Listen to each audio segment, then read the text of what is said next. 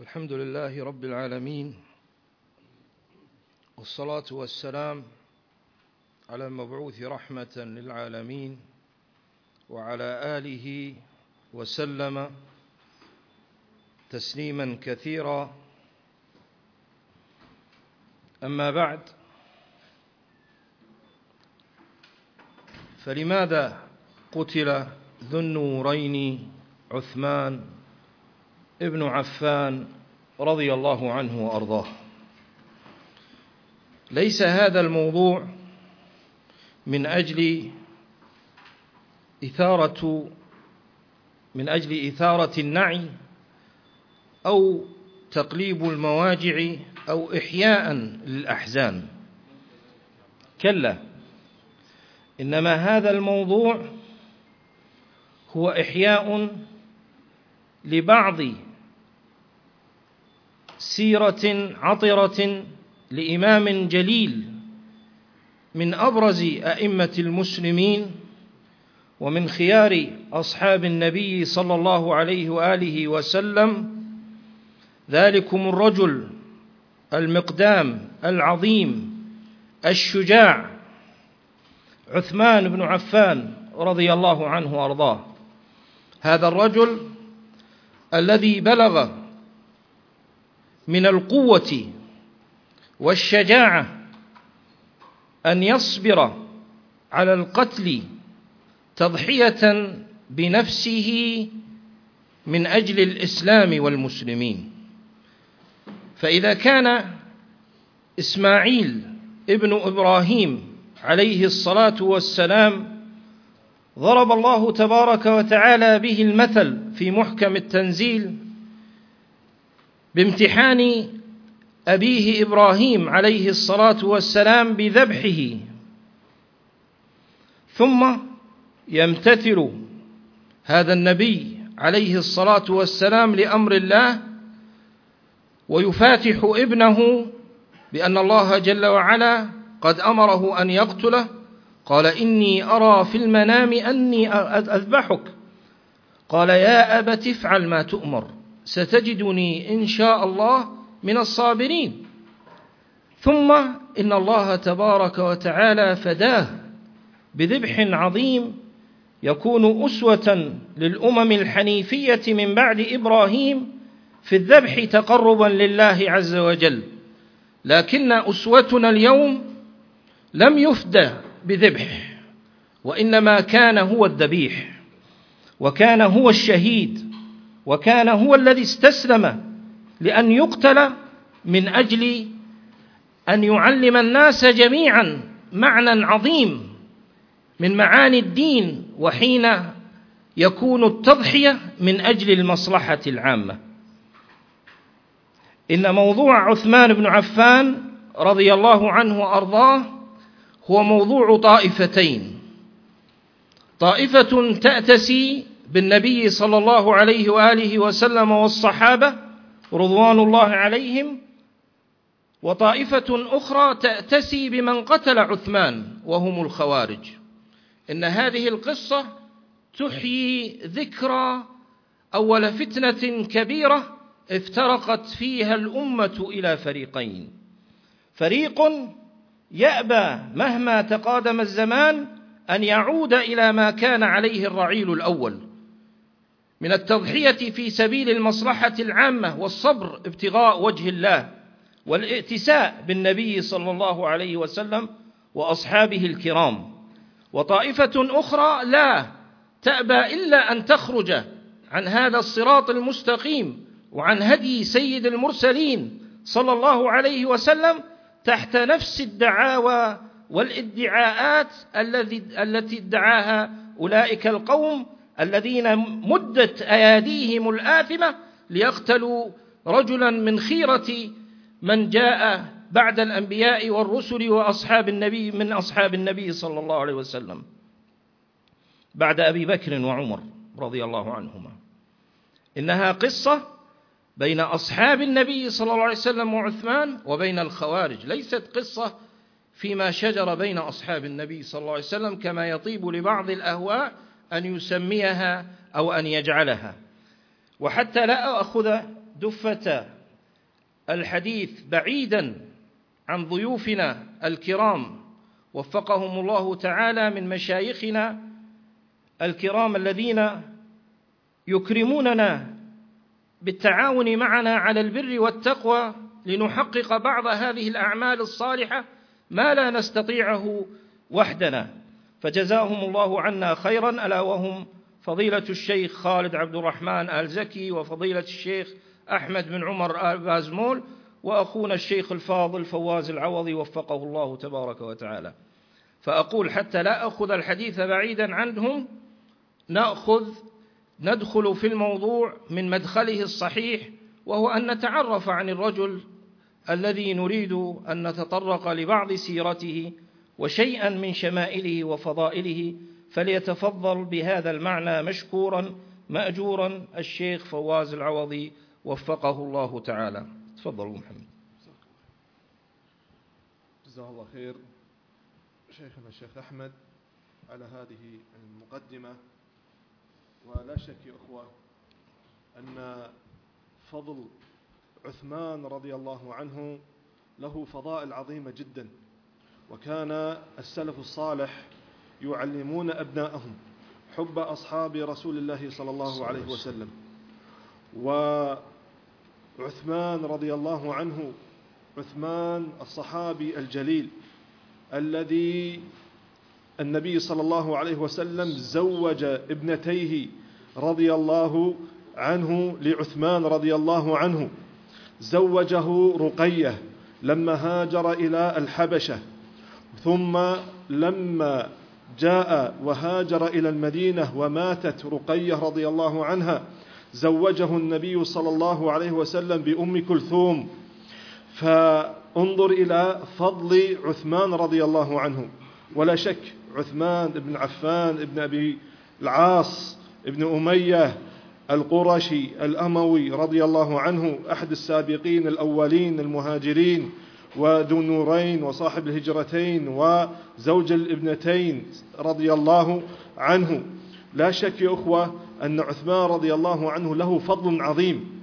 ولذلك تجد أهل البدع كما قال النبي صلى الله عليه وسلم في الحديث الذي جاء آه، أن النبي صلى الله عليه وسلم قال يومئذ تكون فتنة ويكون وكونوا مع هذا. يقول النبي صلى الله عليه وسلم كونوا مع هذا. فيقول النبي صلى الله عليه وسلم لتخرجن فتنة من تحت قدمي. ف يومئذ ومن تبعه على الهدى كونوا مع هذا. وأشار إلى عثمان رضي الله عنه. عثمان رضي الله عنه فارق وفرق بين المتبعين للسنة سنة النبي صلى الله عليه وسلم وبين أهل البدع والأهواء. فلذلك انظر إلى ما قال الإمام أحمد رحمة الله عليه. يقول رأيت السنة معلقة بعثمان رضي الله عنه ورأيت الفتنة معلقة بالسلطان. ولذلك كل صاحب سنة من أئمة أهل الحديث كالبخاري ومسلم النسائي ابن ماجه الترمذي وغير واحد من أئمة أهل الحديث يبوبون بابا في فضال أصحاب النبي صلى الله عليه وسلم ثم يذكرون بعد ذلك في فضل عثمان رضي الله عنه. انظر إلى الإمام البخاري رحمه الله تعالى لما بوب في مناقب أو فضائل أصحاب النبي صلى الله عليه وسلم ذكر مناقب عثمان. قال النبي صلى الله عليه وسلم من يحفر بئر رومة فله الجنة. حفرها عثمان رضي الله عنه. قال النبي صلى الله عليه وسلم من جهز جيش العسرة فله الجنة جهزها عثمان رضي الله عنه. قال النبي صلى الله عليه وسلم يعني انظر إلى البشارتين بالجنة بشره النبي صلى الله عليه وسلم بالجنة هذه هذه الأولى وهذه الثانية والثالثة لما ذكر العشر المبشرين بالجنة. قال عثمان في الجنة هذه الثالثة الرابعة لما دخل النبي صلى الله عليه وسلم وجلس على البئر ثم جاء أبو بكر ثم جاء عمر ثم جاء عثمان والتفوا حول النبي صلى الله عليه وسلم ودخل أبو موسى الأشعري ووقف عند الباب. عفوا قبل دخول الصحابة فقدم أبو بكر فأذن له النبي صلى الله عليه وسلم ثم أذن له لعمر رضي الله عنه بشر لأبي بكر بالجنة وبشر عمر بالجنة ثم قال لعثمان رضي الله عنه ائذن له وبشره بالجنة.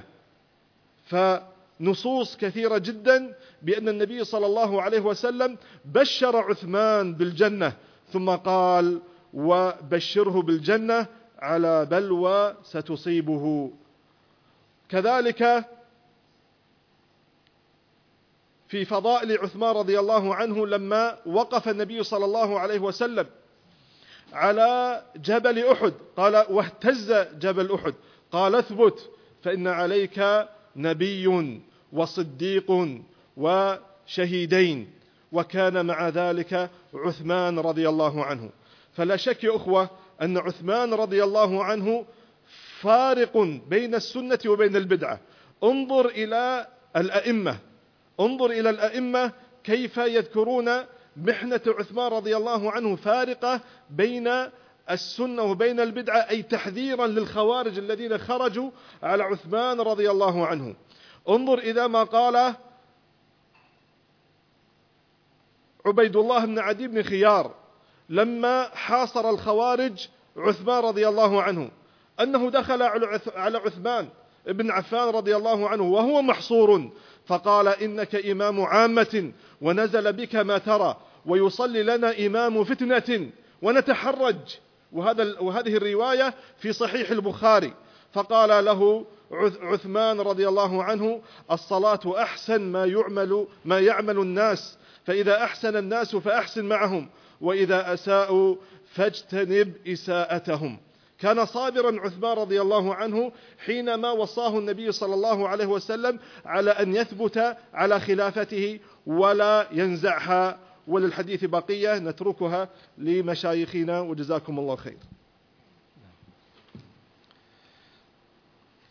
عثمان رضي الله عنه وأرضاه كما رأينا في بعض فضائله أن فضائله موضع اتفاق بين أمة النبي صلى الله عليه وسلم. فرجل رضيه النبي صلى الله عليه وسلم أن ينكحه ابنتيه واحدة تلو الأخرى. ونحن نعلم عظم محبة النبي صلى الله عليه وسلم لبناته بل غيرته عليهم صلى الله عليه وسلم. حتى أنه في مرة من المرات بلغ النبي صلى الله عليه وسلم أن عليا رضي الله عنه أرضاه يريد أن ينكح امرأة أخرى غير فاطمة. فماذا قال صلى الله عليه وسلم؟ قال صلى الله عليه وسلم ما معناه كما في البخاري إنما فاطمة إنما فاطمة بضعة مني يريبني ما أرابها ويؤذيني ما أداها. هكذا كان النبي صلى الله عليه وآله وسلم لبناته. فما بالك حين ينكح إحداهن لعثمان ثم ينكح الأخرى؟ فماذا يكون عثمان بالنسبة إليه؟ ما رأيك برجل ما زال ينفق ماله مرة تلو الأخرى في سبيل الله عز وجل؟ رجل قال فيه صلى الله عليه وآله وسلم وقد غطى على فخذه وقد دخل عليه صاحباه ثم يغطي. صلى الله عليه وسلم فخذه الشريف قائلا ألا أستحي من رجل تستحي منه الملائكة؟ الملائكة تستحي من عثمان رضي الله عنه وأرضاه. رجل قوي رجل فيه معنى القوة الحقيقية التي يجهلها الجاهلون. فإن الجاهلون يظنون أن القوة هي الصراخ هي القتل هي التظاهر بمظاهر الشجاعة والفتوة. لكن الشجاعة والقوة الحقيقية عند الرجال هي حين يستطيع الإنسان أن يكتم في الموضع الذي يجيش صدره بالكلام. إن الشجاعة والقوة الحقيقية حين يقدم الرجل في الموضع الذي يحجم فيه الرجال. وكل ذلك كان في عثمان كما قال صلى الله عليه وسلم ليس الشديد بالسرعة إنما الشديد الذي يملك نفسه عند الغضب. وهكذا كان عثمان رضي الله عنه وأرضاه. عثمان رضي الله عنه وأرضاه قبل أن يلقى حتفه الذي قسمه الله عز وجل له لتبقى ذكراه العاطرة. مع المسلمين كلما ذكرت إراقة دمه رضي الله عنه وأرضاه قد بشر بهذه الشهادة قبل أن ينالها. فهل من شيء من هذه البشارات يتحفنا بها الشيخ خالد حفظه الله تبارك وتعالى لتبشير النبي صلى الله عليه وسلم لعثمان رضي الله عنه وأرضاه قبل مقتله؟ جزاكم الله خيرا. الحمد لله وصلى الله وسلم على رسول الله وبعد. فجزا الله شيخنا وأستاذنا أبا محمد أحمد السبيعي وسدده. وكذا ما جاء في كلام أخينا الدكتور فواز العوضي. أسأل الله أن يبارك في الجميع وأن ينفعنا بما نقول ونعلم. وقاصمة ظهر الخوارج الذين ادعوا الباطل على عثمان رضي الله عنه واتهموه بما هو منه براء بل إن عثمان رضي الله عنه هو القائم بالحق. وقد جاءت تلك الأحاديث قاصمة لدعاوى هؤلاء الخوارج قديما وحديثا. وقد تقدم من ذلك ما ما ذكره آه، الشيخ الدكتور فواز من حديث الصحيحين. كما رواه البخاري أن النبي صلى الله عليه وسلم كان على جبل أحد فارتج الجبل فقال أثبت أحد فإنما عليك نبي. وصديق وشهيدان. وكان معه على الجبل أبو بكر وعمر وعثمان.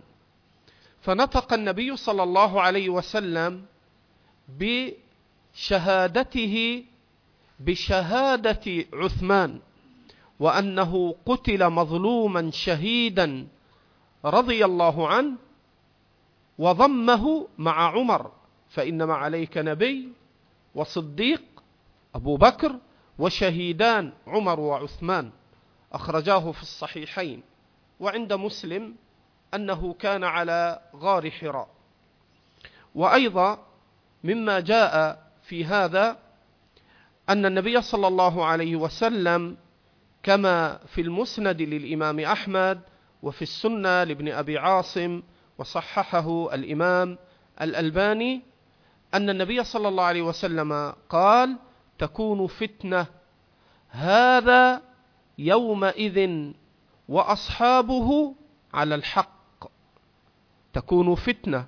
هذا يومئذ وأصحابه على الحق. فقام الصحابي وأخذ بضبعي الرجل الذي أخبر النبي صلى الله عليه وسلم بأنه يكون هو وأصحابه على الحق قال فالتفت به إلى وجه النبي صلى الله عليه وسلم فإذا هو عثمان فقلت يا رسول الله هذا؟ قال نعم هذا. ومما يدل على بطلان قول الطاعنين الدجاجلة قديما وحديثا في عثمان رضي الله عنه وأنه مات شهيدا مظلوما قول النبي عليه الصلاة والسلام فيما أخرجه الإمام ابن أبي عاصم من حديث أمنا عائشة رضي الله عنها وأخرجه أحمد وغيره أن النبي صلى الله عليه وسلم قال يا عثمان إن الله مقمسك قميصا. يا عثمان إن الله مقمسك قميصا. فإذا أرادك المنافقون على خلعه فلا تخلعه لهم. وصححه الألباني. وكل هذا يدل على أن عثمان رضي الله عنه كان على الحق وثبت على الحق إلى الممات وانه قتل شهيدا مظلوما فرضي الله عنه وعن سائر أصحاب النبي صلى الله عليه وسلم. نعم. عثمان رضي الله عنه وأرضاه كان يمشي في حياته وهو مبشر وهو مبشر بأنه شهيد. يعني يعيش في الحياة وهو مبشر على لسان النبي صلى الله عليه وسلم أنه شهيد ويشهد له النبي صلى الله عليه وسلم أنه على الحق كل هذا في حياته رضي الله عنه وأرضاه قبل أن يلم به ما ألم رضي الله عنه وأرضاه. وكما أجمعت الأمة على فضله وفضائله فإنها أجمعت أيضا على أنه من الخلفاء الراشدين وأنه ثالث خليفة من الخلفاء الراشدين. وهنا نريد من ضيفنا الكريم الشيخ أحمد بن عمر بازمول حفظه الله أن يبين لنا جانبا وطرفا من هذا الأمر من أمر اتفاق الأمة بعد اتفاقها على فضله اتفاقها على خلافته وعلى أن خلافته خلافة راشدة فليتفضل جزاه الله خيرا. بسم الله الرحمن الرحيم. الحمد لله والصلاة والسلام على رسول الله وعلى آله وصحبه ومن والاه. أما بعد فعثمان ابن عفان رضي الله عنه وأرضاه وعن جميع صحابة رسول الله صلى الله عليه وسلم ذلك الصحابي الجليل العابد الناسك كاتب وحي النبي صلى الله عليه وسلم. لما حضرت عمر رضي الله عنه الوفاة واقترب أجله بعد طعنه جعل الخلافة رضي الله عنه شورى في ستة أشخاص وهم علي بن أبي طالب وعثمان بن عفان وسعد بن أبي وقاص وعبد الرحمن بن عوف والزبير بن العوام وطلحة بن عبيد الله. هؤلاء الستة جعلهم عمر رضي الله عنه شورى بين الصحابة أن يختاروا أحدهم. وانعقد الإجماع والاتفاق بين الصحابة رضوان الله عليهم أجمعين على اختيار عثمان أن يكون هو الخليفة أن يكون هو الخليفة الثالث بعد صاحبيه أبي بكر وعمر.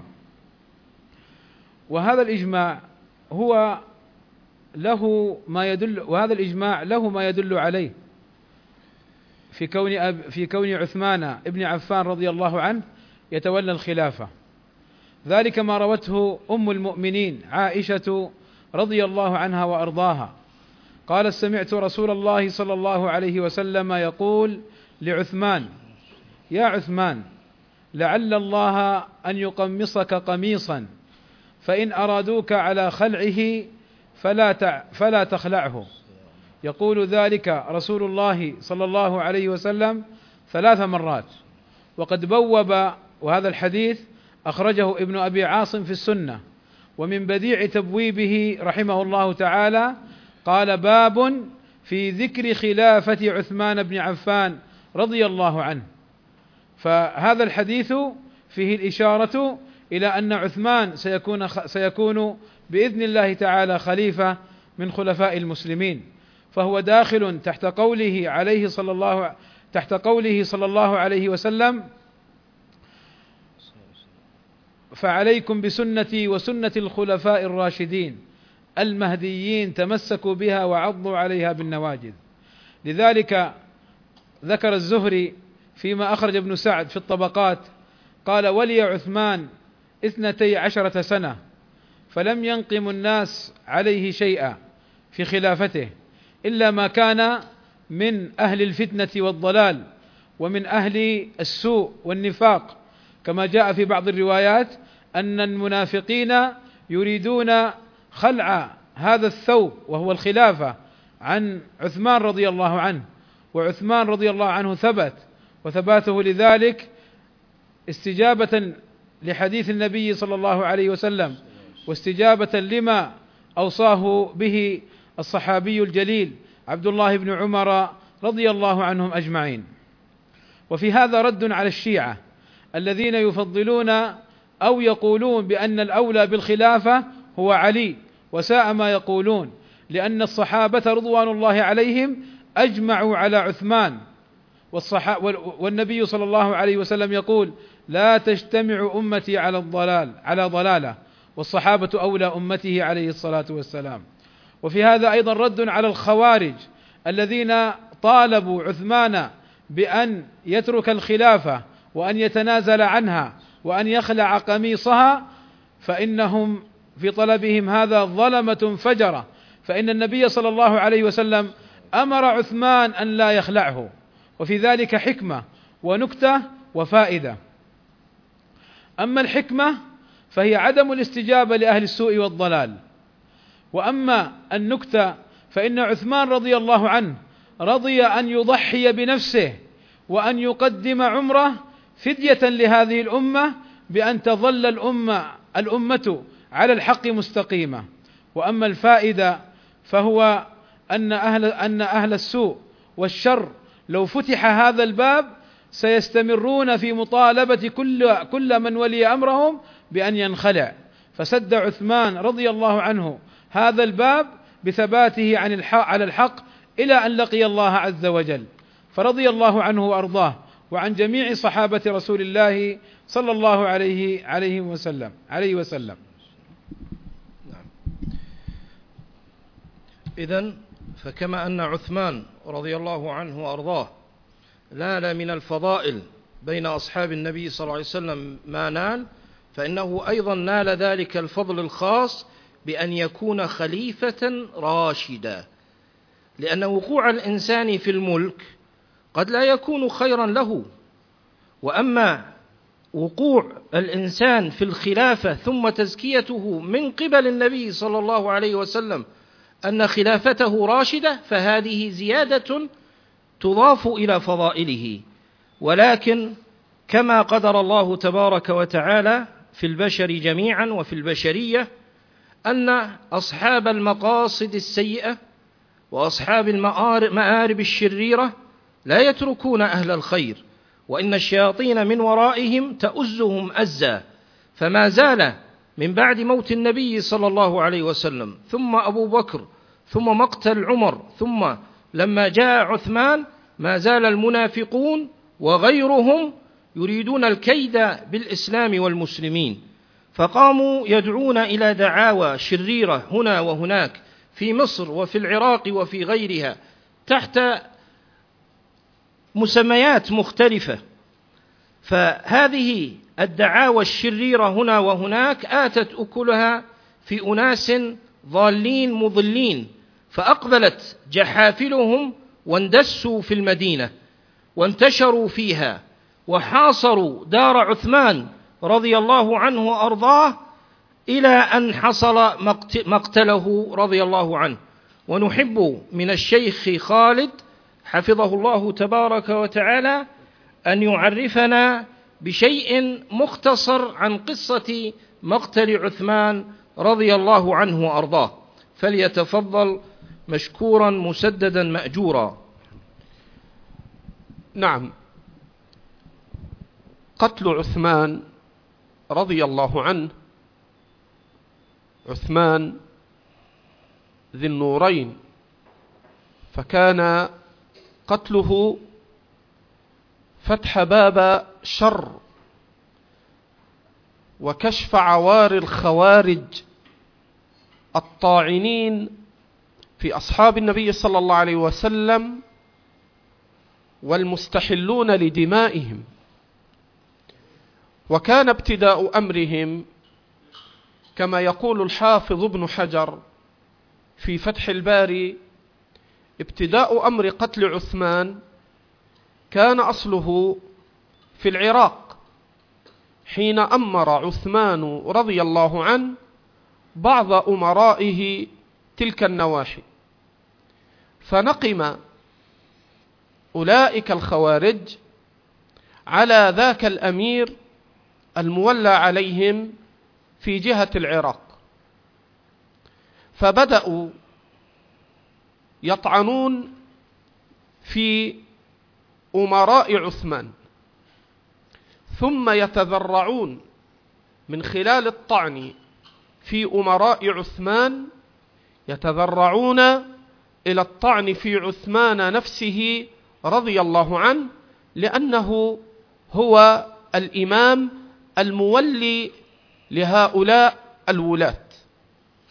فبدأوا يثيرون الناس وكما أفادنا الشيخ أبو العباس برواية جميلة مفيدة ذكرها بعض العلماء السابقين إلا أنني استفدتها من فضيلة الشيخ أبو العباس لم أقف عليها بنفسي ثم بعد ذلك وقفت عليها. ألا وهي أنهم قالوا وتواطؤوا بينهم إن بدأتم في عثمان لم يسمع الناس لكم ولكن تبتدئون بأمرائه فإذا قبل الناس منكم ذلك قلتم لهم فمن أقر هؤلاء الأمراء على ما هم عليه وجعلهم على ما هم فيه فهو عثمان فحينئذ يقبلون منكم. ثم بدأت تلك الخوارج يتراسلون مع بعض البلدان. حتى كان الرجل من أهل مصر يقدم على المدينة ليس له هم إلا أن يطعن في عثمان. كما روى الإمام البخاري في صحيحه أن رجلا من أهل مصر قدم من مصر واستفتى ابن عمر رضي الله عنهما عن أمور تتعلق بعثمان فبين له ابن عمر بطلان ما عليه وبطلان معتقده الفاسد وبين له فضل عثمان رضي الله عنه. فبدأ الناس يتناشرون الأخبار والتهم الكاذبة سيما في بلاد العراق وفي بلاد مصر حتى أن المصريين في ذاك في ذاك الزمان جاء طوائف منهم كثر وحصروا عثمان في مدينة الرسول صلى الله عليه وسلم. وتواعد هؤلاء الدجاجلة من الخوارج في العراق ومن الخوارج في مصر وفي بعض البلدان الأخرى تواعدوا أن يلتقوا في الحج حيث يجتمعون. وخرجوا على نية الغدر وعلى نية استحلال الدم فقدم أولئك من العراق وقدم أولئك من مصر ومن بعض البلدان وتكاثروا واجتمعوا بأسلحتهم حتى قدموا وحاصروا عثمان رضي الله عنه في مدينة الرسول صلى الله عليه وسلم. فلما علم عثمان رضي الله عنه بمقدمهم وهذا الذي أذكره هو تلخيص ما ذكره الحافظ ابن حجر وما ذكره الحافظ ابن كثير في البداية والنهاية. فلما تواطؤوا واجتمعوا بأسلحتهم ومحاصرتهم لعثمان رضي الله عنه قام بعض الصحابة وحملوا سيوفهم حتى دخلوا على عثمان وطمأنوه بأنهم سيقاتلون دونه وأنهم لن يخذلوه خلافا لما يقول بعض بعض السفهاء بأن عثمان قد خذل من الصحابة. وسيأتي زيادة بيان في هذا إن شاء الله. فلما رأى عثمان كثرة هؤلاء الخوارج وقلة من كان في المدينة من أصحاب النبي صلى الله عليه وسلم قال عزمت على كل مسلم يرى أن لي عليه السمع والطاعة أن يغمد سيفه ويلزم بيته.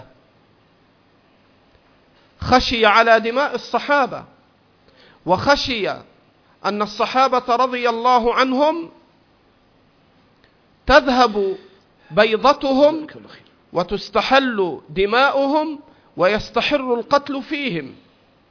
فضحى بنفسه وأمرهم أن يلزموا بيوتهم وأن لا يرفعوا سيوفهم. وقد ذكر الحافظ ابن حجر أن عثمان رضي الله عنه أرسل إلى الشام إلى معاوية رضي الله عنه يطلب أن يمده بمدد. وأن معاوية رضي الله عنه استجاب فأرسل له المدد فقتل عثمان قبل وصول المدد إلى المدينة. وقام عثمان رضي الله عنه وحصر في داره وحاصره هؤلاء الخوارج المصريون. وكان أكثر من حاصره يوم الدار هم الخوارج المصريون. ومنع أن يخرج من بيته وأن يشهد الجماعة بل منع من الماء. فأشرف عليهم يوم الدار كما جاء في صحيح البخاري قال البخاري قال عبدان وساق بإسناده إلى عثمان رضي الله عنه أن عثمان أشرف عليهم يوم الدار. فقال أنشدكم بالله ولا أنشد إلا أصحاب رسول الله. لا أطلب شهادة أحد إلا أصحاب رسول الله. أما سمعتم أن النبي صلى الله عليه وسلم يقول من جهز جيش العسرة فله الجنة من حفر بئر روما فله الجنة قال فأقروا له أي شهدوا له بذلك. وجاء في بعض الطرق قال وقد حفرت بئر روما وأنتم اليوم تمنعوني أن أشرب منها. وقد روى ابن أبي عاصم في السنة أن عثمان لما اشتد العطش به طلب أن يسقوه ماء عذبا. فقالوا ها هنا ركية فاشرب منها. قالت نائلة زوجته وكانت ركية يلقى فيها النتن. تريد أن تشرب؟ اشرب من هذا الماء المنتن وهو الذي حفر بئر رومة ومنع عند قتله أن يشرب منها. ويروي ابن أبي عاصم عن نائلة وهي امرأة عثمان أن عثمان رضي الله عنه يوم الدار يعني يوم أن حصر في داره أنه شد عليه سراويله وقال لقد رأيت الليلة رسول الله صلى الله عليه وسلم فقال فقال لي يا عثمان إن قاتلتهم ظهرت عليهم نصرت عليهم وإن لم تقاتلهم أفطرت عندنا فأبى أن يقاتلهم. وشد سراويله وعلم رضي الله عنه بأنه مقتول شهيدا ببشارة النبي صلى الله عليه وسلم كما جاء في الصحيحين من حديث أبي موسى ائذن له وبشره بالجنة مع بلوى تصيبه. وفي رواية عند البخاري مع بلوى ستصيبه. فقال عثمان عند البخاري الله المستعان الله المستعان. فصبر وشد سراويله. ودخل عليه المصريون وغيرهم هؤلاء الخوارج وحملوا عليه.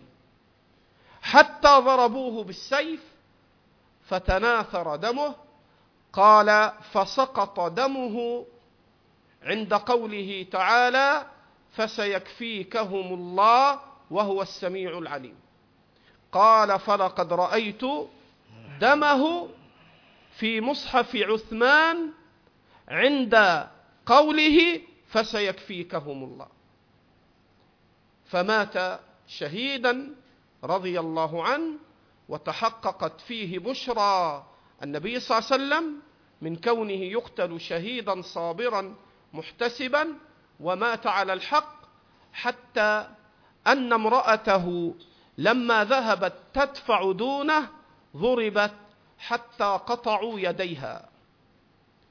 وهكذا لقي ربه مضح بدمه حافظا لدم أصحاب النبي صلى الله عليه وسلم.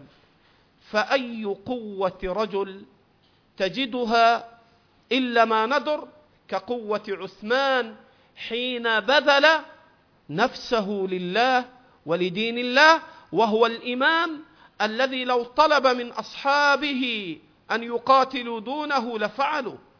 رضي الله عنهم أجمعين ولكنه احتمل صابرا محتسبا فرضي الله عنه وأسكنه الله الفردوس الأعلى. آمين. قتل عثمان رضي الله عنه وأرضاه وضحى بنفسه مؤملا.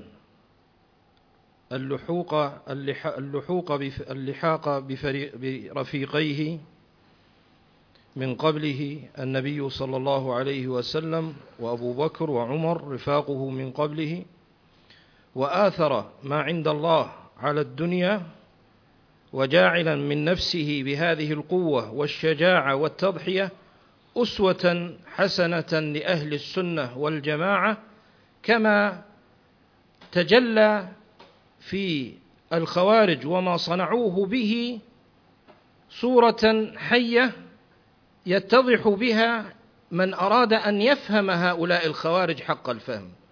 لأن الخوارج لن تستطيع أن تفهم حقيقتهم بمجرد أن تعرف مذهبهم. وانتبه جيدا لهذه. الخوارج لن لن تستطيع أن تفهم حقيقتهم من طريق أن تفهم مذهبهم. بل لابد أن تعرف أثر مذهبهم في روحهم وسلوكهم. الله عز وجل يصف المؤمنين في محكم التنزيل في قوله ويطعمون الطعام على حبه مسكينا ويتيما وأسيرا. يطعمون الطعام على حبه مسكينا ويتيما وأسيرا.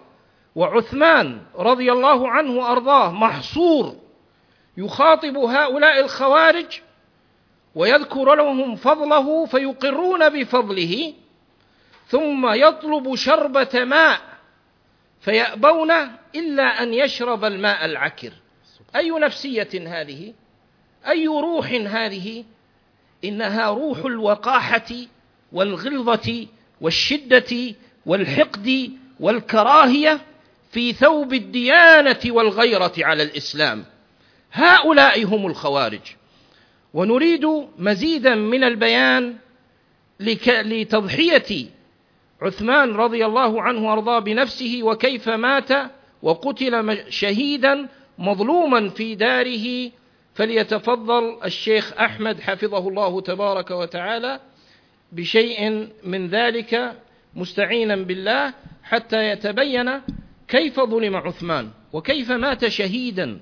رضي الله عنه وأرضاه مظلوما في داره. نعم فليتفضل. نعم بسم الله الرحمن الرحيم.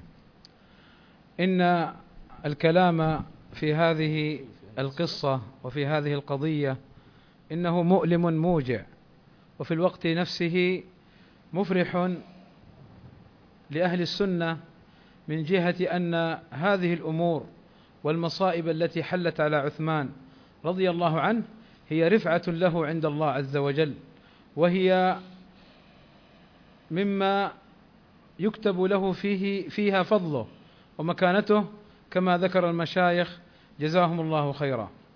إن الصحابة رفضوا أن يقتل عثمان وأرادوا أن يذبوا عنه ووقفوا في وجه أولئك. فكان الحسن بن علي آخر من خرج من عند عثمان رضي الله عنه فقد جاءه الحسن والحسين وابن عمر وابن الزبير ومروان فعزم عليهم عثمان رضي الله عنه أن يضعوا سلاحهم وأن يخرجوا وأن يلزموا بيوتهم طالبوه رضي الله عنه أن يخرج معهم وأن يحمي نفسه فأبى ذلك لأنه والعلم عند الله أيقن أن أجله قد اقترب. وأن وأيضا أيقن هو رضي الله عنه أن وعد النبي صلى الله عليه وسلم حق فصبر واحتسب وطلب الأجر والثواب من الله وحقن دماء الأمة رضي الله عنه وأرضاه. وإذا أردت أن تعرف هذه النفسية وهذه الشخصية العالية فتأمل معي قصة دخول عبد الرحمن بن أبي بكر رضي الله عنه على عثمان. فقد دخل محمد بن أبي بكر رضي الله عنهما على عثمان ودخل عليه وهو مغضب أي محمد. فقال له عثمان رضي الله عنه يا ابن أخي لو كان أبوك أي أبا بكر لو كان أبوك ما قام هذا المقام ائتئد أخبرك يعني لا تتعجل حتى تسمع ثم افعل ما أراك الله أنشدك الله هل تعلم هل تعلم أن رسول الله صلى الله عليه وسلم زوجني ابنتيه إحداهما بعد الأخرى؟ ثم قال ألا أبو أيم أو أخو أيم يزوج عثمان؟ فلو كان عندنا شيء لزوجناه؟ قال نعم. قال فأنشدك الله. هل تعلم أن المسلمين ظمئوا ظمأ شديدا فاحتفرت بئرا فأعطيت عليها فأعطيت عليها النفقة؟ ثم جعلتها صدقا صدقة على المسلمين القوي فيها والضعيف سواء. قال نعم. قال فأنشدك الله. هل تعلم أن رسول الله صلى الله عليه وسلم قال من يشتري هذا النخل فيقيم به قبلة المسلمين وكان نخلا لبني النجار فاشتريته بمال عظيم فأقمت به قبلة المسجد وضمن وضمن لي رسول الله صلى الله عليه وسلم نخلا في الجنة؟ قال نعم. قال فأنشدك الله. هل تعلم أني كنت مع رسول الله صلى الله عليه وسلم على جبل حراء فرجف فضربه رسول الله صلى الله عليه وسلم بقدمه وقال اثبت حراء. فإنه ليس عليك إلا نبي أو صديق أو شهيد. وعلى الجبل يومئذ رسول الله صلى الله عليه وسلم وأبو بكر وعمر وعثمان وعلي وطلحة والزبير. قال نعم. قال فأنشدك الله. هل تعلم أن الميرة انقطعت عن المدينة حتى جاع الناس فخرجت إلى بقيع الغرقد فوجدت خمس عشرة راحلة عليها طعام فاشتريتها فحبست منها ثلاثا وأتيت رسول الله صلى الله عليه وسلم باثنتي عشرة فقال لي رسول الله صلى الله عليه وسلم بارك الله لك فيما أمسكت وبارك الله لك فيما أعطيت قال نعم قال فأنشدك الله هل تعلم أني جئت بالدراهم فصببتها في حجر رسول الله صلى الله عليه وسلم؟ فقلت استعن بها. فقال لي ما يضر عثمان ما عمل بعد اليوم؟ قال نعم. قال فكيف تقتلني؟ قال لا والله لا ألقى الله بدمك ابدا. قال فدخل عليه آخر. فقال له مثل ذلك. فقال له لا والله لا ألقى الله بدمك أبدا. قال فقالوا لا يقتله إلا من لا من لا يناظره الكلام. وهذا شأن أهل البدع أنهم لا يسمعون لأهل السنة ويحذرون من أهل السنة. فقالوا يدخل عليه رجل يقتله دون أن يحاوره. قال فدخل عليه رجل من من تجيب من أهل مصر. فقال له ائتئد فأخبرك. قال لا أسمع كلامك. ومعه قوس له عربية فضرب بها رأس عثمان إلى آخر القصة. وأيضا أورد ابن شبة رحمه رحمه الله تعالى في تاريخ المدينة هذه القصة وقصة أيضا أخرى. فقال رحمه الله بعد هذا فهذان الحديثان يبرئان محمد بن أبي بكر من أن يكون نوى قتل عثمان رضي الله عنه وسائر الأحاديث في ذلك بخلاف ذلك. فأقول فمحمد بن أبي بكر رضي الله عنه وعن جميع صحابة رسول الله صلى الله عليه وسلم بريء من دم عثمان كما برئ الذئب من دب ابن يعقوب عليه السلام. وكذا أصحاب رسول الله صلى الله عليه وسلم لم يشاركوا ابدا في قتل عثمان ولم يأذنوا بذلك ابدا بل أرادوا حمايته وأرادوا أن يذبوا عنه. ولكن عثمان رضي الله عنه آثر ما عند الله. وآثر نفسه على إخوانه فقدمها لله عز وجل واشترى ما عند الله عز وجل. وقد ذكروا في قصة مقتله شيئا عظيما ولكن هذا يدل كما ذكر شيخنا الشيخ أحمد حفظه الله تعالى على أن هؤلاء الخوارج على أن هؤلاء الخوارج كما وصفهم النبي صلى الله عليه وسلم ذئاب في جثمان إنس لا يؤمنون. ولا يسلم لهم. وإني أختم هذه الكلمة بذكر أمرين. أما الأمر الأول فقد ذكروا أن عمر رضي الله عنه لما عرضت عليه الأجناد وكان من ضمن الأجناد الذين عرضوا عليه بعض قتلة عثمان مثل الغافقي العكلي ومثل سودان بن حمران. فقالوا عمر لما رآهما انقبضت نفسه وشعر من من جهتهما من جهتهما بضيق. فكان هذا من عمر رضي الله عنه فطنة وفراسة في هؤلاء الأجناد. وأيضا الأمر الثاني الذي نبه عليه أهل العلم أن هؤلاء الذين قتلوا عثمان رضي الله عنه إنما هم من صيد عبد الله بن سبأ اليهودي حينما جاء من صنعاء إلى الكوفة والبصرة والشام فدربهم على هذه الفتنة ورباهم عليها حتى خرجوا على عثمان رضي الله عنه فقتلوه والله أعلم. جزا الله الشيخ أحمد خيرا على إفادته فقد زادنا فوق ما طلبنا منه فإن السؤال كان منصبا على كيف قتل عثمان رضي الله عنه مظلوما شهيدا وزادنا الشيخ فائدة نفيسة فيها الرد على أهل البدع والأهواء وهو أن أصحاب النبي صلى الله عليه وسلم براء من دم عثمان. كلهم المسألة لم يكن أحد طرفيها أصحاب النبي صلى الله عليه وسلم وعثمان إنما الخوارج وعثمان رضي الله عنه وأرضاه. نحب أن نخرج من قصة مقتله رضي الله عنه وأرضاه إلى فائدة مهمة هنا وهو سبق ذكر طرف منها على لسان الشيخ خالد وهو أن أصحاب النبي صلى الله عليه وسلم قد اتجهت هممهم إلى أن يقاتلوا دونه وكانوا على أتم الاستعداد لذلك. وأنهم لم يكونوا ليخذلوا إمامهم ولم يكونوا ليخذلوا صاحبهم. ولكن هناك أمر عظيم شرعه الله تبارك وتعالى منعهم من الإقدام على هذا الأمر فضلا عن نهي عثمان رضي الله عنه وأرضاه لهم عن ذلك. فكيف فكيف يكون امتناع أصحاب النبي صلى الله عليه وسلم وجها من الوجوه التي هي من أحسن الوجوه التي يستدل بها على وجوب طاعة الأمراء فنحب من الشيخ خالد أن يبين هذه المسألة.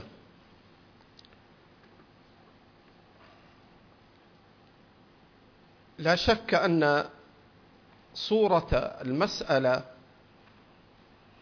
وينبغي على طالب العلم أن يدرك الحال الذي كان عليه الصحابة مع عثمان في المدينة فقد جاءت الألوف المؤلفة من العراق ومصر ومن كثير من البلدان وجاء الجهال وجاء هؤلاء أهل الفتن من الخوارج ومن معهم حتى ضاقت بهم المدينة وغلبوا في العدد والعدة عن أصحاب النبي صلى الله عليه وسلم. وكان كثير من الصحابة هناك في بلاد الشام وغيرها فربى عدد هؤلاء الخوارج ومن معهم وقوي سلاحهم وعدتهم. وهنا قام عثمان رضي الله عنه بأمرين كما نبهت فيما ذكر الحافظ ابن حجر وغيره أنه أرسل يطلب المدد من معاوية فأرسل له معاوية المدد فاستعجل هؤلاء الخوارج حين شعروا بشيء من ذلك فقتلوه قبل أن يقدم المدد. فقام بأمرين أرسل يطلب المدد ليرد كيد الكائدين بقدر ما يستطيع. الأمر الثاني أنه كان إمام المسلمين وأن أمر الجهاد وأن رد الصائل إنما يكون في مثل هذه الأحوال إلى ولي أمر المسلمين. فراى رضي الله عنه عدد هؤلاء الخوارج وكثرتهم مع قلة عدد الصحابة ومع فارق العدة بين العدة التي مع الصحابة وبين العدة مع هؤلاء الخوارج. فراى أن أعظم المصلحتين أن يبقي على دماء الصحابة. فقرر ذلك وتأكد ذلك عنده. فأمرهم أن يغمدوا سيوفهم وأن يلزموا بيوتهم. قال عزمت على كل واحد منكم يرى أن لي عليه الطاعة أن يغمد سيفه وأن يلزم بيته. وفي هذا من فقه طاعة الأمراء ما يدل على قيام الصحابة رضي الله عنهم بهذا الأصل العظيم. لم يقولوا لا لن نطيعك بل نحن نرى من المصلحة أن ندافع عنك وأن نقاتلهم دونك وقد نختلف معك فيما نرى من المصلحة وهم علماء. وهم علماء رضي الله عنهم ويقدرون المصالح والمفاسد ولكنهم تركوا ما يقدرونه لولي الأمر فإن الله جعل له الحق في ذلك وانصاعوا لما أمرهم به وتركوا ما يرون لما يرى فتركوه إلزاما منه لهم بذلك. وفي هذا من الفقه أنه لا يقرر ما يتعلق بشأن الدولة في وقت الخوف أو الأمن لا يقرر ذلك كل أحد. وإنما كما قال صلى الله عليه وسلم إنما الإمام جنة يقاتل من ورائه ويتقى به. كما في الصحيحين من حديث أبي هريرة. خلافا لمن ينازع ولاة الأمور فيما يرونهم من سياسة الدولة وفي من ينازع ولاة الأمور فيما يرونه من المصالح والمفاسد. وهذا أدب الصحابة رضي الله عنهم. فعز عليهم أن يتركوه وثقل عليهم ذلك حتى ألزمهم بذلك. وهم يرونهم يرون هؤلاء الخوارج وقد دخلوا المدينة وقد حاصروا عثمان قيل حوصر شهرا وقيل حوصر أربعين يوما وقيل حوصر عشرين يوما. حتى لما دخل عليه بعض التابعين عبيد الله ابن خيار فقال إنك إمام عامة. وإنك ترى ما قد بلغ بك. وإنه يصلي بنا إمام فتنة. فكيف نفعل؟ فقال إن أحسن أو إن من أحسن أعمالكم الصلاة. فإذا أحسن فإذا رأيت الناس أحسنوا فأحسن معهم. وإذا رأيتهم أساءوا فاجتنب إساءتهم. رجل يرى للمصالح الشرعية منظرا عظيما وأصلا كبيرا. يقول حافظ على صلاتك وصلي خلف هذا الذي يصلي بكم حتى لا تزداد الفتنة.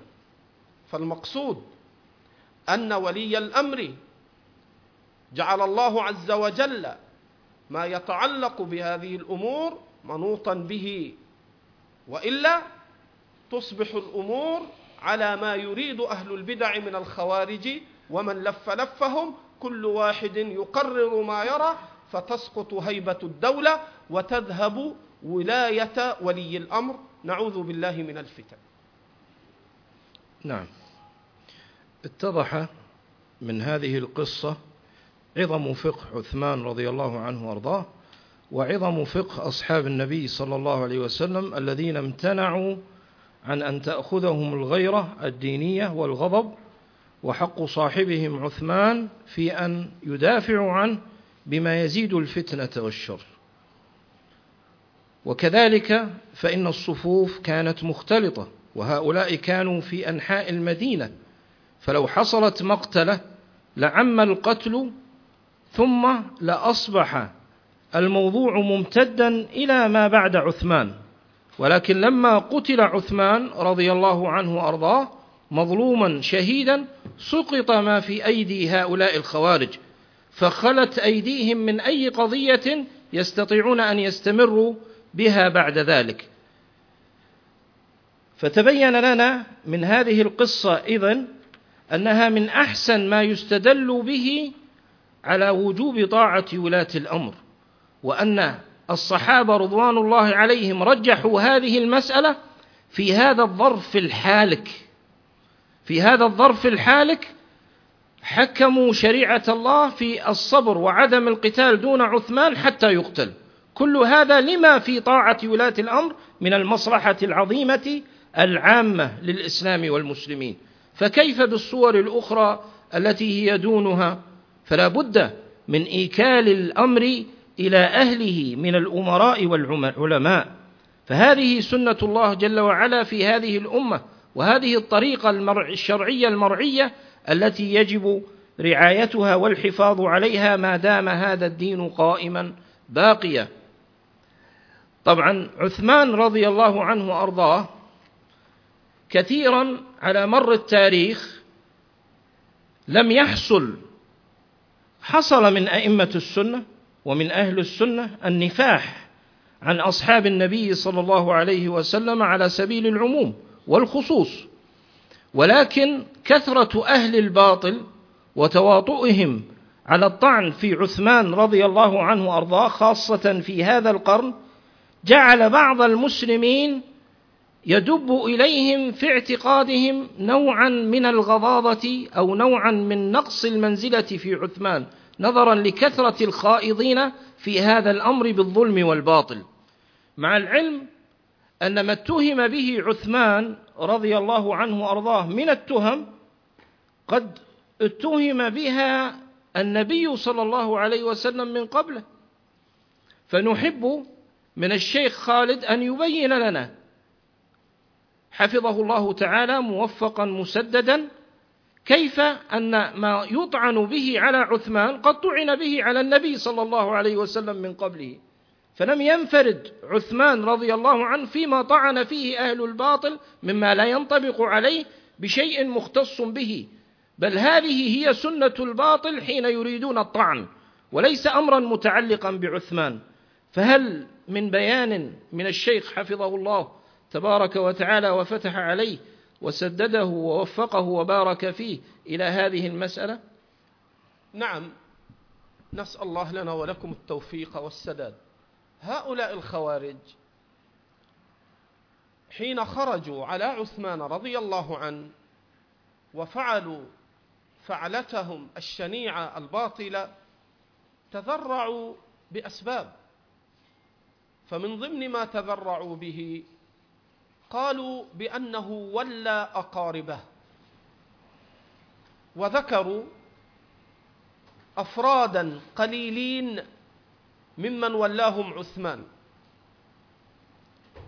وهذه الطعنة إنما هي عند التدبر تشمل مثل ما طعن في النبي صلى الله عليه وسلم كما في حديث البخاري اختصم رجل أنصاري. عبد الله اختصم مع الزبير في شراج الحرة وكان الزبير يسقي. فجاء الرجل يشكو الزبير بأنه يسقي حتى يقل الماء بعد أن يسقي الزبير. فقال النبي صلى الله عليه وسلم اسقي يا زبير حتى اسقي يا زبير ثم سرح الماء إلى جارك. لا تبالغ في سقي الأرض لا تستوفي حقك كاملا في السقيا. اسق بقدر الحاجة والضرورة. ثم سرح الماء إلى جارك يسقي. فقال الرجل يا رسول الله أن كان ابن عمتك يعني أنت تعطيه هذا الحكم للقرابة بينكما؟ فغضب النبي صلى الله عليه وسلم. فقال اسقي يا زبير حتى يعود الماء إلى الجدر. يعني اسقي واستوفي حقك في سقيا الأرض كاملا. فانظر. حين يطعن في النبي صلى الله عليه وسلم قال الراوي أحسب في هذا نزل قوله فلا وربك لا يؤمنون حتى يحكموك فيما شجر بينهم ثم لا يجدوا في أنفسهم حرجا مما قضيت ويسلموا تسليما. وطعن في عثمان قيل أنه كان يعطي من بيت المال اناسا ويدع اناسا. وتأمل ما جاء في صحيح البخاري قسم النبي صلى الله عليه وسلم قسما فجاء رجل فقال يا محمد اعدل فإن هذه قسمة لم يرد بها وجه الله. وقال صلى الله عليه وسلم إني أعطي اناسا أتألفهم فولي الأمر من حقه أن يعطي اقواما ويمنع آخرين بحسب ما يترجح عنده من المصلحة الشرعية. فجاء هؤلاء وطعنوا في عثمان وجاء من قبلهم وطعن في النبي صلى الله عليه وسلم لذات العلة. ولما حمى عثمان الحمى ومعنى أن يحمي ولي أمر المسلمين حمى أن يأتي إلى موضع ما يمنع الناس من الرعية فيه وأن يجعل هذا الموضع لولي الأمر فيما يراه من المصالح. فحمى موضعا. فقالوا حمى الحمى. لماذا هو يتصرف في الأراضي والمواضع؟ لماذا يحمي هذه الأرض؟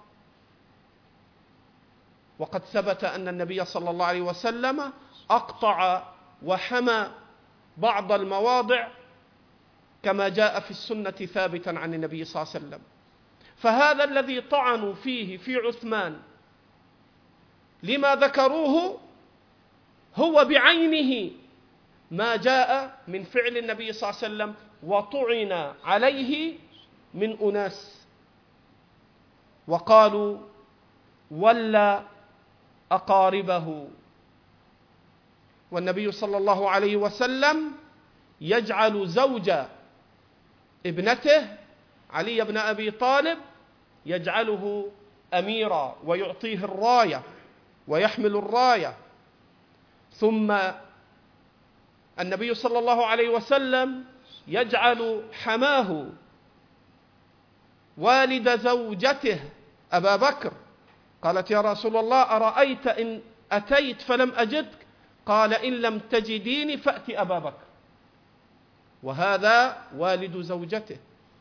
وعمر والد زوجته وهو وزيره. فانظر إلى المنزع فيما يتعلق بالأموال فيما يتعلق بالحمى فيما يتعلق بالإقطاع. فيما يتعلق بما لولي الأمر من الحقوق الشرعية كيف ينزعون أن يطعنوا في عثمان؟ فإذا ما التفت إلى ما حصل مع النبي صلى الله عليه وسلم رأيت بعض من طعن في النبي صلى الله عليه وسلم بمثل تلك الأسباب ونعوذ بالله من الخذلان. تفضل شيخ تفضل شيخ. بسم الله الرحمن الرحيم. تتميما لما ذكره الشيخ خالد جزاه الله خيرا. أيضا يعني عثمان رضي الله عنه كما يقول شيخ الإسلام ابن تيمية ويقول أهل العلم بشر قد يصيب وقد يخطئ فإذا ولى بعض قراباته أو أنفق المال في بعض الجهات مجتهدا يطلب الصواب فقد يوفق وقد لا يوفق فإن وفق فله أجران وإن لم يوفق فله أجر واحد. ولذلك الخطأ لا يسلم منه أحد. وإنما وقع وإنما يذم الإنسان في الخطأ إذا كان متعمدا مصرا إذا كثر منه الخطأ فيما لا يحسن فيه الخطأ. هنا يذم الإنسان. أما أخطاء عثمان على فرض صحتها على فرض صحتها والتسليم بها وإلا فإن الأمر كما ذكر الشيخ والمشايخ أن أكثر ما ادعي على عثمان كذب.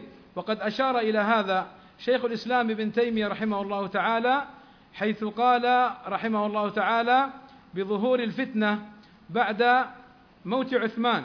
قال بسبب مقتل عثمان ومقتل الحسين وأمثالهما جرت فتن كثيرة وأكاذيب وأهواء ووقع فيها طوائف من المتقدمين والمتأخرين وكذب على أمير المؤمنين عثمان وأمير المؤمنين علي بن أبي طالب. إلى آخر كلامه. اذا هناك أكاذيب هناك أراجيف هناك قصص لا تثبت. ولكن نقول نحن لو ثبتت. هي من باب الخطأ الذي نسأل الله عز وجل أن يجعل لأمير المؤمنين عثمان رضي الله عنه أجرا فيها. أما قال النبي صلى الله عليه وسلم ما أخشى عليكم الخطأ ولكن أخشى عليكم التعمد. هذا حديث مشهور صححه الألباني رحمه الله تعالى في السلسلة الصحيحة.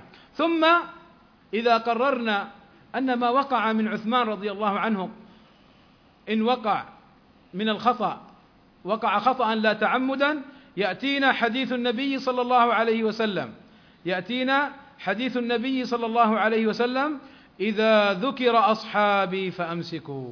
لا نخوض في هذا الباب ولا نسلك مسلك أهل البدع والأهواء الذين تجرأوا على أصحاب رسول الله صلى الله عليه وسلم. وإنما نترضى عليهم كما ترضى الله عليهم ونشهد لهم بالجنة ممن شهد لهم النبي صلى الله عليه وسلم بالجنة ومن مات على الصحبة فإننا نؤمن ونوقن أنه من أهل الجنة لأن الله عز وجل قد رضي عنهم وأرضاهم. والله أعلم.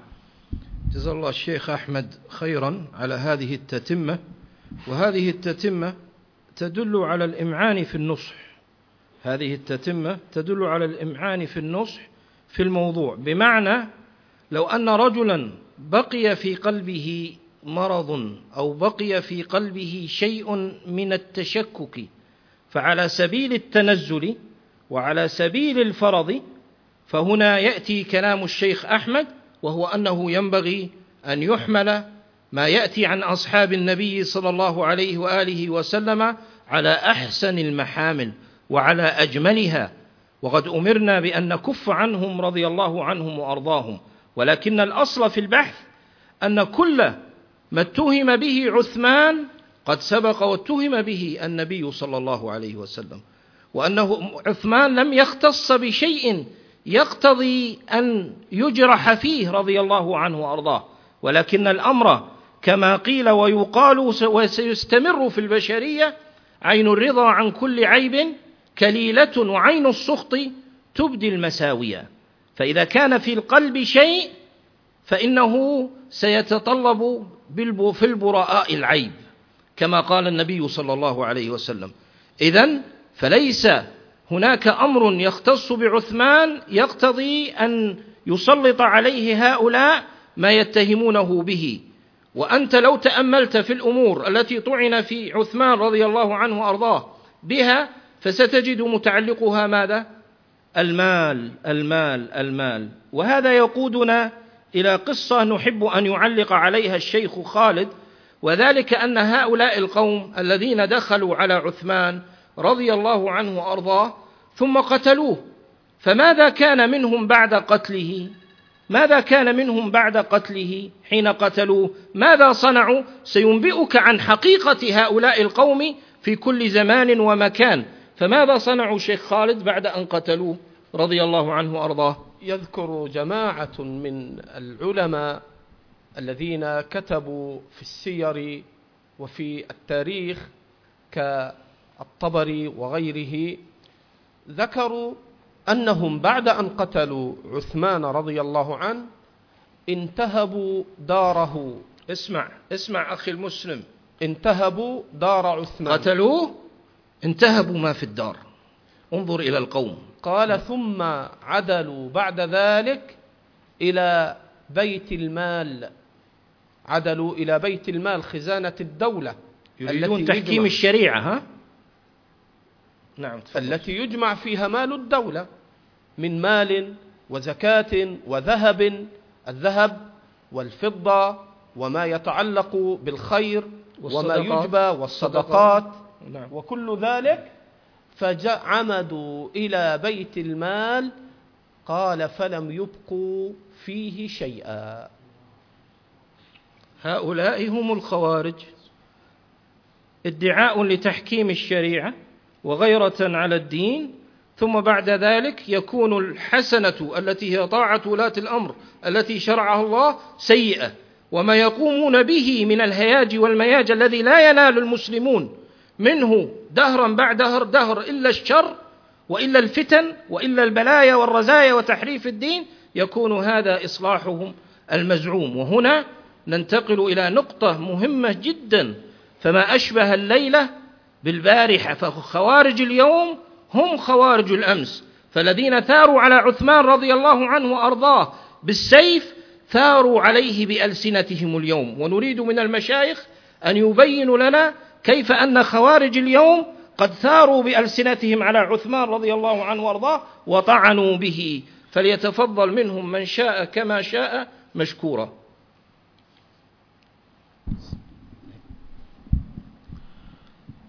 نعم بسم الله الرحيم. بل في ذلك فليتنافس المتنافسون. آه، السنة أمرت بالسمع والطاعة لولاة الأمر. وأمرت بالصبر عليهم ولو كانت هناك أثرة وأن نسمع في المنشط والمكره والعسر واليسر وعلى ذلك بايع الصحابة رسول الله صلى الله عليه وسلم. وهذا دأب أهل السنة دأب السلفيين أنهم يسمعون ويطيعون لولاة الأمر ويذبون عنهم تقربا إلى الله واستجابة لأمر الله ورسوله صلى الله عليه وسلم.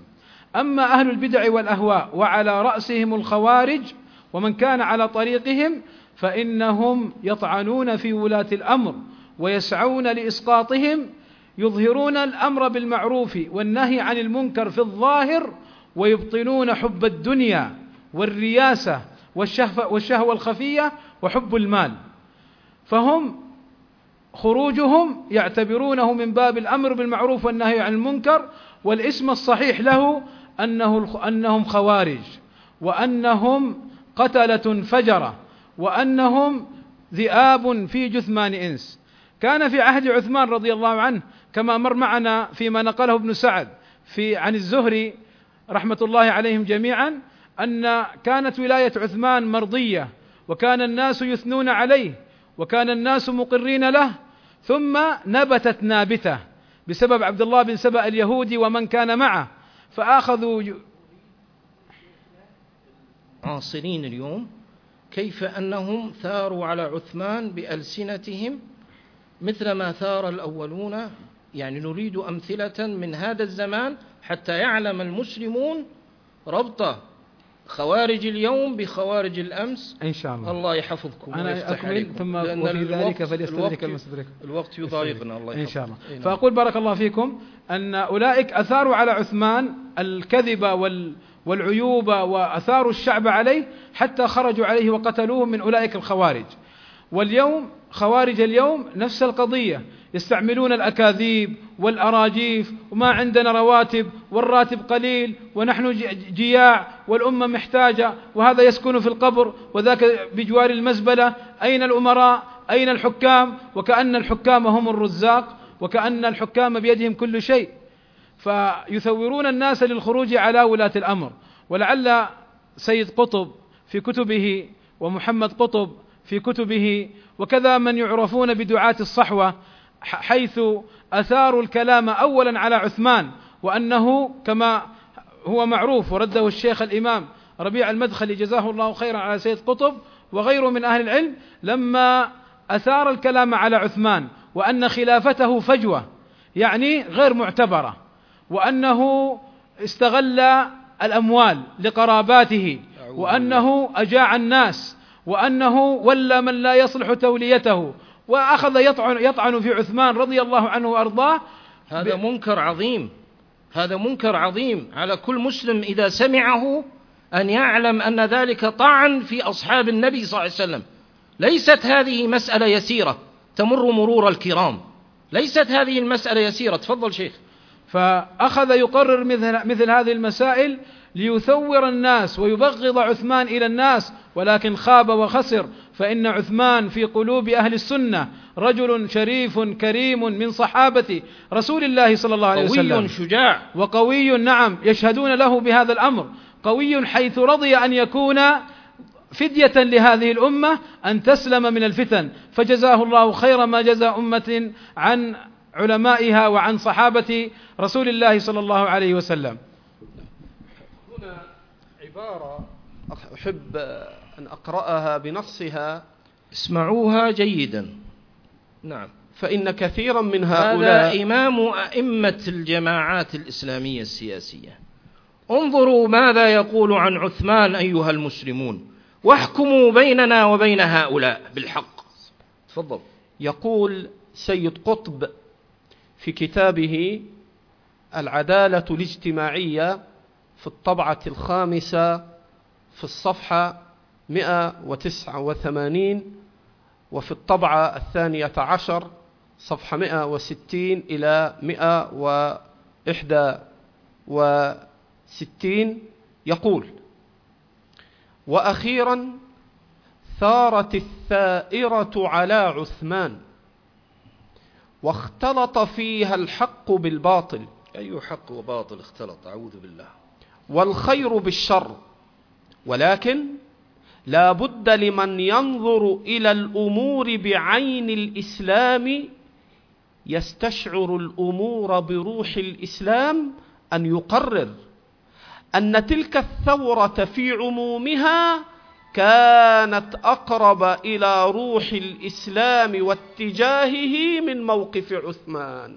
يا من تعظم سيد قطب يا من تحبه وتعظمه كيف يتأتى لك أن تفضل هذا الرجل وكلامه ومذهبه على أصحاب النبي صلى الله عليه وسلم. لم لا تتوبون؟ توبوا إلى الله عز وجل. تفضل كمل شيخ. يقول أن تلك الثورة في عمومها كانت أقرب إلى روح الإسلام واتجاهه من موقف عثمان. أعوذ بالله. أو بالأدق من موقف مروان ومن وراءه ومن ورائه بنو أمية. ثم هو يقول في بني أمية لقد أراد بنو أمية أن يكيدوا الإسلام من خارجه فلم يستطيعوا فتظاهروا بالإسلام ولم يباشر الإيمان قلوبهم حتى كادوا الإسلام من داخله. أعوذ بالله أعوذ بالله أعوذ بالله. فهذا واضح. المسألة اليوم واضحة مثل الشمس. لا تحتمل لبس ولا تحتمل غموض. أنت أمام خيارين عثمان وأصحاب النبي صلى الله عليه وسلم أو الخوارج. ليست المسألة مسألة عواطف ليست المسألة مسألة لا لا لا لا لا. اتخذ قرارا قويا صادقا مع ربك ومع دينك بالرجوع إلى هدي النبي صلى الله عليه وسلم والصحابة. والبراءة من الخوارج والبراءة من مذهبهم حتى أن بعضهم بلغ به من الدناءة ومن. ماذا أقول لا أحب أن أستعمل ألفاظا غير جيدة ولكن بعض القوم هؤلاء لا تدري كيف يتناولون الأمور يقول بعضهم إن عثمان هو مثال لتمسك الإمام بكرسيه في أحلك الظروف التضحية العظيمة التي بشر بها النبي صلى الله عليه وسلم بالشهادة والتي استحسنها المسلمون جميعا من عثمان والتي ضرب فيها عثمان رضي الله عنه وأرضاه أعظم مثل ممكن أن يتصور في تضحية الإنسان بنفسه من أجل المصلحة العامة بروحه يسميها تشبثا بكرسيه لأنه يقيس الأمور بما وقع في قلبه من الهوى وتعظيم الدنيا عياذا بالله. فنسأل الله تبارك وتعالى أن يحفظ حمى عرض أصحاب النبي صلى الله عليه وسلم وأن يحفظ مذهبهم وينصره في كل زمان ومكان والقصة كما لا يخفاكم تحتمل من العبر ومن الدروس ومن التأمل الشيء الكثير الكثير وجزى الله المشايخ خير الجزاء على ما أفادوا ونسأل الله تبارك وتعالى أن يذب عن وجوههم النار بما ذبوا عن أصحاب النبي صلى الله عليه وسلم وأن يمكن الحق واليقين والعلم الصادق في قلوبهم وأن يبارك في علومهم وينفع بهم ويديم النفع بهم طويلا على طاعته. هذا والله أعلم. وصلى الله وسلم على محمد وعلى آله وسلم. وآخر دعوانا الحمد لله رب العالمين.